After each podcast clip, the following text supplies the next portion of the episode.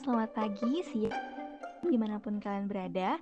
Ketemu lagi nih di acara podcast Bukan Diplomat.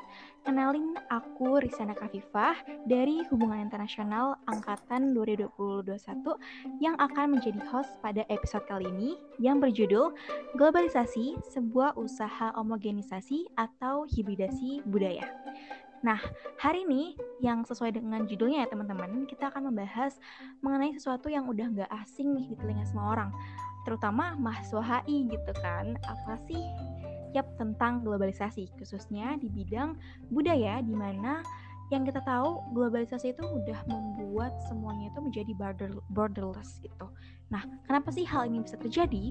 Hal itu terjadi karena kemajuan ilmu pengetahuan teknologi dan informasi teknologi yang uh, di mana-mana kalau misalkan kita tuh udah bisa gitu berhubungan sama berkoneksi sama orang yang di luar uh, negara kita dan itu bener-bener uh, fungsi dari globalisasi itu sendiri gitu.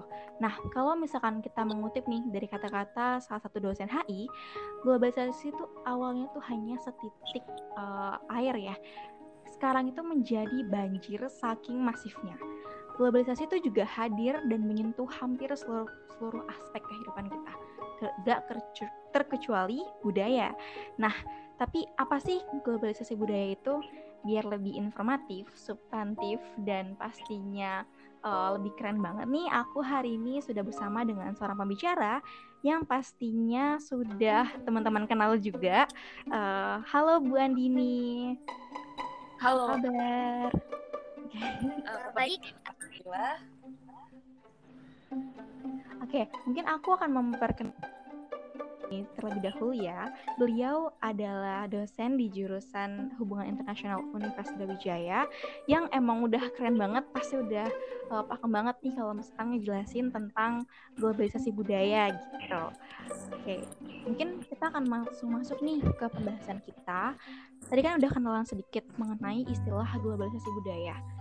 Nah, menurut Ibu Andini sendiri, definisi dari globalisasi budaya itu sebenarnya apa ya, Bu? Dan bagaimana hal itu bisa dibedakan dengan globalisasi sosial? Oke, okay. uh, thank you pertanyaannya, Rizkana. Ya, uh, jadi kalau kita ngomongin globalisasi itu seperti gak ada habisnya, ya. Karena globalisasi itu adalah sesuatu yang kompleks gitu ya dan mempengaruhi setiap Nah, sebenarnya mungkin sebelum kita masuk ke globalisasi budaya gitu ya, penting juga untuk uh, kita aware gitu ya sebenarnya dimensi-dimensi apa aja sih gitu ya yang dipengaruhi oleh yang namanya globalisasi gitu. Nah, uh, dimensi yang dipengaruhi banyak gitu ya dan kalau misalkan kita generalisasi dan kita kategorikan secara spesifik ya itu ada dimensi ekonomi, dimensi politik dimensi budaya juga dimensi ekologi gitu ya. Jadi uh, di sini ada empat dimensi yang berbeda.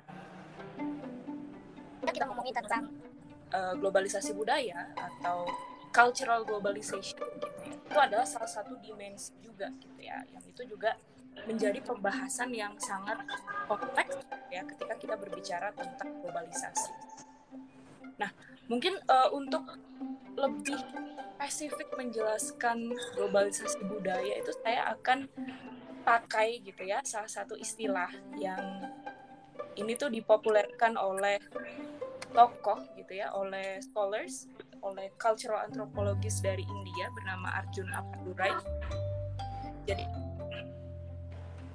uh, mengcoin suatu term yang disebut dengan uh, cultural uh, global cultural flows. Sorry ya yang disebut dengan global cultural flows atau arus budaya global gitu ya. Jadi konsep arus budaya global ini menurut saya paling bisa menjelaskan sebenarnya um, globalisasi budaya. gitu ya. Jadi tadi saya di awal juga sudah sempat mention ya bahwa globalisasi itu adalah proses yang sangat kompleks gitu ya. Jadi kita tidak bisa mensimplifikasikan globalisasi itu sebagai sesuatu yang satu arah gitu ya. Dari negara A ke negara ke periferi gitu ya itu tidak bisa Jadi di sini yang dilakukan oleh apa Durai adalah uh, membuat penjelasan yang lebih lebih kompleks terkait cultural globalization ini melalui five steps of global cultural flows. Five steps ini adalah lingkup gitu ya, lima lingkup uh, cultural globalization seperti itu. Jadi lima lingkupnya itu apa aja? Itu ada ethnoscape gitu ya, ada financescape, ada ideoscape, ada technoscape dan ada mediascape. Jadi totalnya ada lima gitu. Nah, uh, dari lima limanya ini semuanya itu berperan gitu ketika kita ngomongin tentang globalisasi budaya gitu ya. Mungkin uh, bisa saya jelasin satu-satu ya lima limanya ini ya. Boleh boleh bu. Oke, jadi skip gitu ya etno ini dari etnografi gitu ya berarti berkaitan dengan manusia jadi etnoscape atau lingkup etno ini memperlihatkan pergerakan orang gitu ya pergerakan manusia yang melintasi batas batas negara seperti itu. Nah di sini contohnya adalah turis, migran seperti itu ya, kemudian refugees, kemudian students gitu ya yang bersekolah di luar negeri ataupun uh, bersekolah di negara lain gitu ya di benua lain dari benua asalnya dia gitu ya. Jadi orang-orang ini ketika mereka bergerak mereka juga membawa budaya mereka gitu ya budaya dari rumah asal mereka yang ketika mereka sampai di host country itu disosialisasikan gitu. Uh, ketika mereka berinteraksi dengan teman-teman mereka di sana seperti itu. Kemudian yang kedua itu adalah technoscape seperti namanya ya jadi dia ber jadi di sini berkaitan dengan bagaimana sih perkembangan teknologi ini tuh membuat um, cross border movement gitu ya atau interaksi kita secara global itu menjadi semakin cepat seperti itu. Contohnya sekarang kita punya smartphone gitu ya, yang mau ngapa-ngapain tuh jadi serba gampang gitu ya, mau pesen tiket, mau berkomunikasi, mau apa pun itu jadi serba cepat. Kemudian yang ketiga itu ada finance cap ya. Jadi finance cap ini berkaitan dengan uang atau finance gitu ya, keuangan. jadi di sini kita bisa melihat bahwa sekarang itu sudah memfasilitasi uh, Visa dan Mastercard gitu ya. Jadi ketika kita belanja, kita nggak cuma belanja di negara kita gitu ya, tapi kita juga bisa dengan mudah mengirim ataupun menerima uang gitu ya secara global seperti. Lalu yang keempat itu adalah Mediascape yang berkaitan dengan penyebaran informasi melalui media yang dilakukan secara real time gitu ya. Sorry, saya batuk dulu sebentar nggak apa-apa ya teman-teman. nanti ya, kalau oke okay. nah jadi um, dengan global news media ya seperti BBC, CNN seperti itu dan juga berkaitan dengan sosial media di mana sekarang kita bisa lebih jauh lebih gampang untuk mendapatkan informasi seperti itu. Dan yang terakhir itu adalah ideoscape yang berkaitan dengan ideologi, nilai-nilai dan juga pemikiran yang disebarkan secara global gitu ya. Jadi di situ ada ide-ide tentang liberalisme, ide-ide tentang kesetaraan gender, feminisme dan segala macam itu lebih mudah disebarkan gitu ya. Jadi ketika kita ngomongin uh, globalisasi budaya itu gitu ya, tapi ini melibatkan lima lingkup ini tadi gitu ya yang yang bisa terjadi secara bersamaan ataupun secara bergantian seperti itu. Wah, berarti dari kelima hal itu uh, terbawa semuanya bu dari dua bahasa budaya gitu ya? Keren Betul.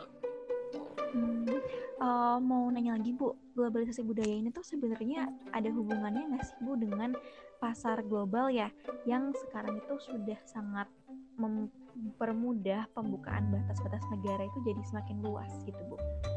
Oke.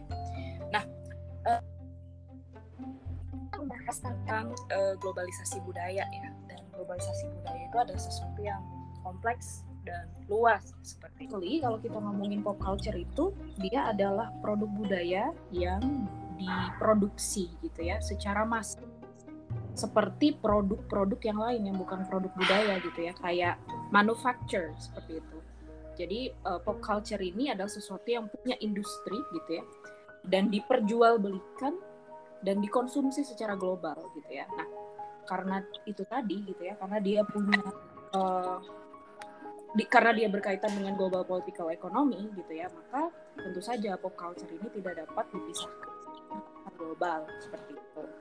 Nah, um, pop culture ini kan uh, misalkan contohnya gitu ya kalau misalkan kita ngomongin pop culture yang lagi in banget gitu ya seperti Korean pop culture gitu ya K-pop ataupun K-drama itu kan dia punya industri ya maksudnya dia bukan sesuatu yang tiba-tiba ada gitu ya. Tapi dia diproduksi gitu di situ. Mereka punya industri sendiri industri Hallyu mungkin seperti itu ya.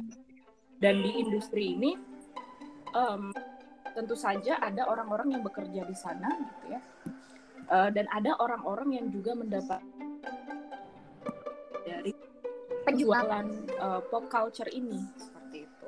Nah di sini yang sering kali menjadi permasalahan adalah bahwa uh, kita sebagai konsumen pop culture itu kadang tidak aware itu bahwa di balik itu semua gitu ya di balik uh, K-pop ataupun K-drama yang sangat bagus dan sangat uh, apa ya ceritanya bagus seperti itu ya. Kemudian punya fandom dan punya konser dan lain sebagainya ya kita sekali tidak melihat bahwa di belakang itu semua itu terdapat uh, structural inequality gitu ya. Ada orang-orang yang mengalami penindasan seperti itu.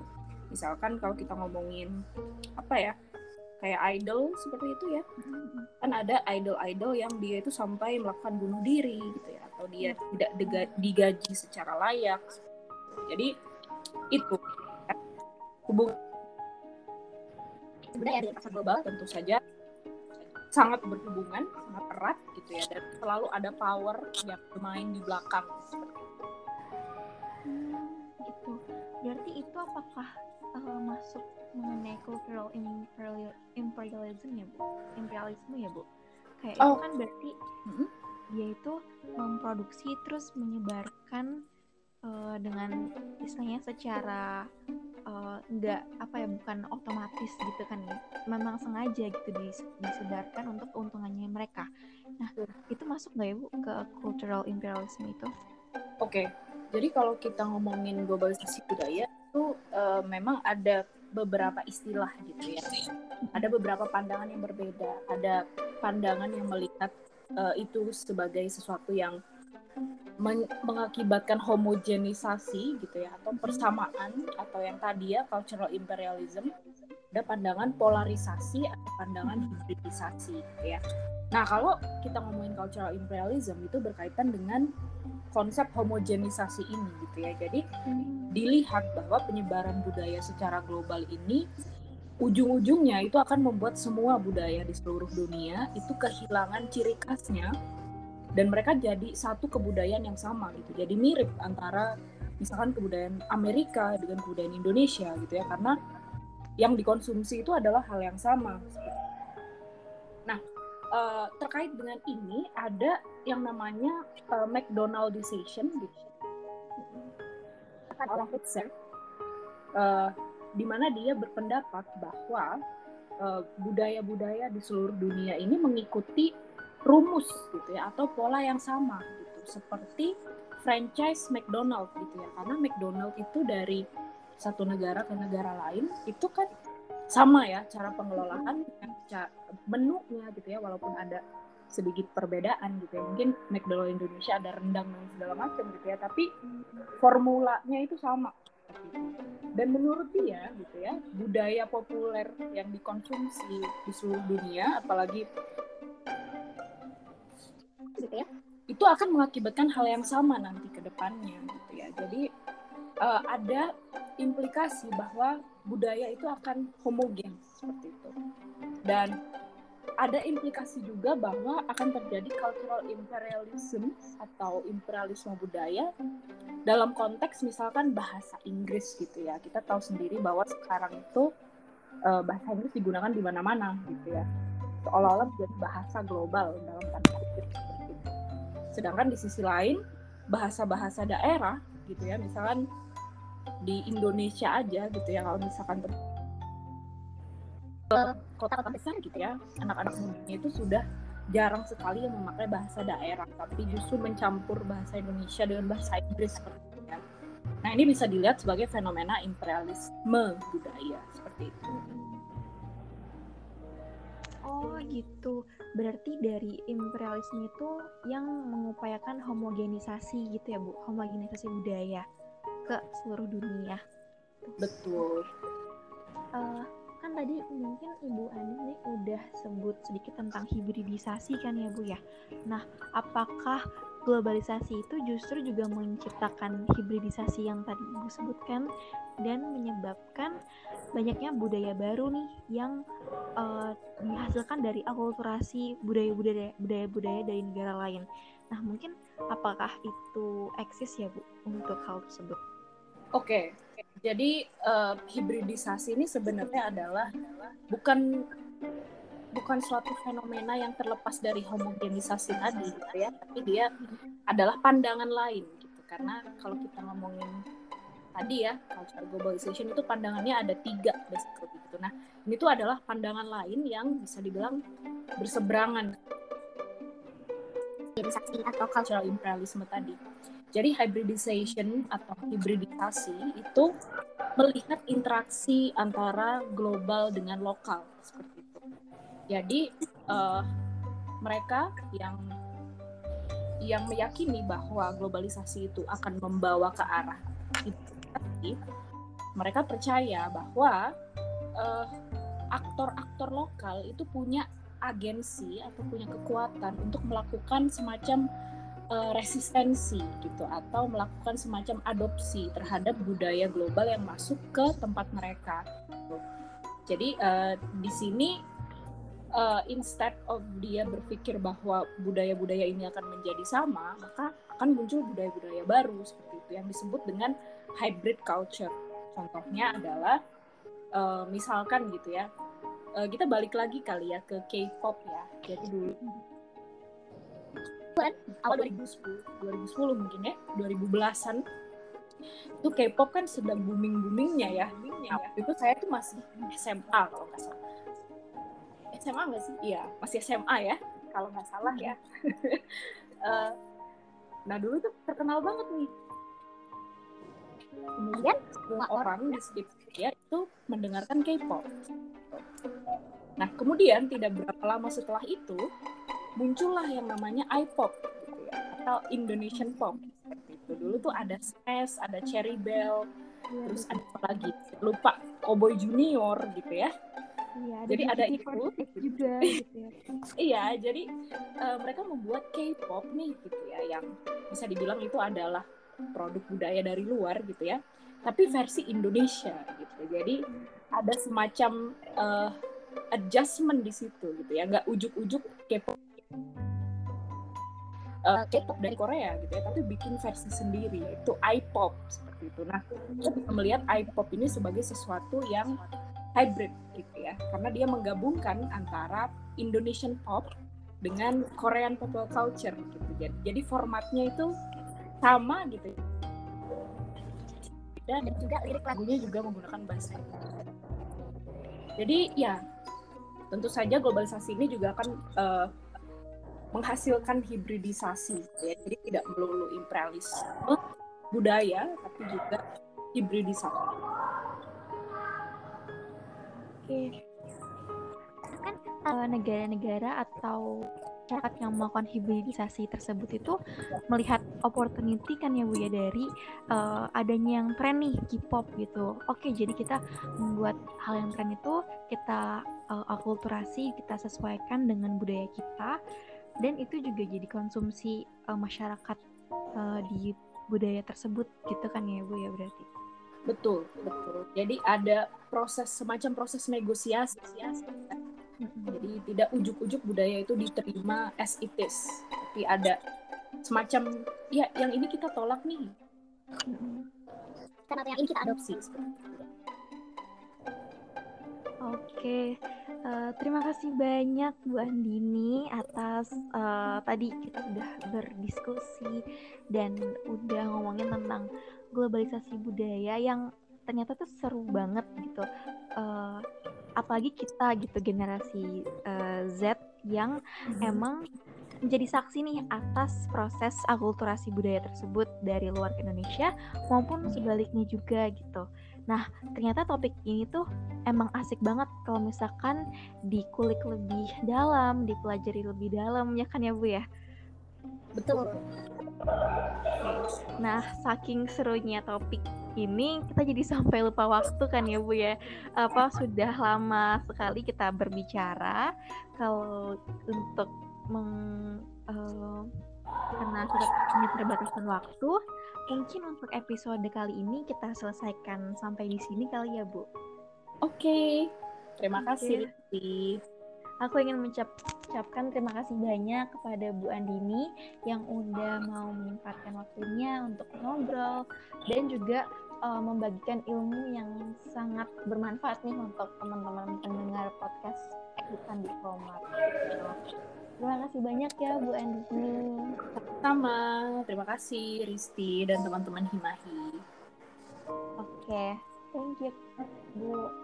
Semoga ada kesempatan lain juga untuk uh, dan berbincang kayak gini. Oke, okay. okay. uh, teman-teman semua, teman-teman Himahi yang makin penasaran dengan globalisasi budaya nih, bisa langsung aja reach Bu Andini gitu ya di kelas atau di ruang prodi.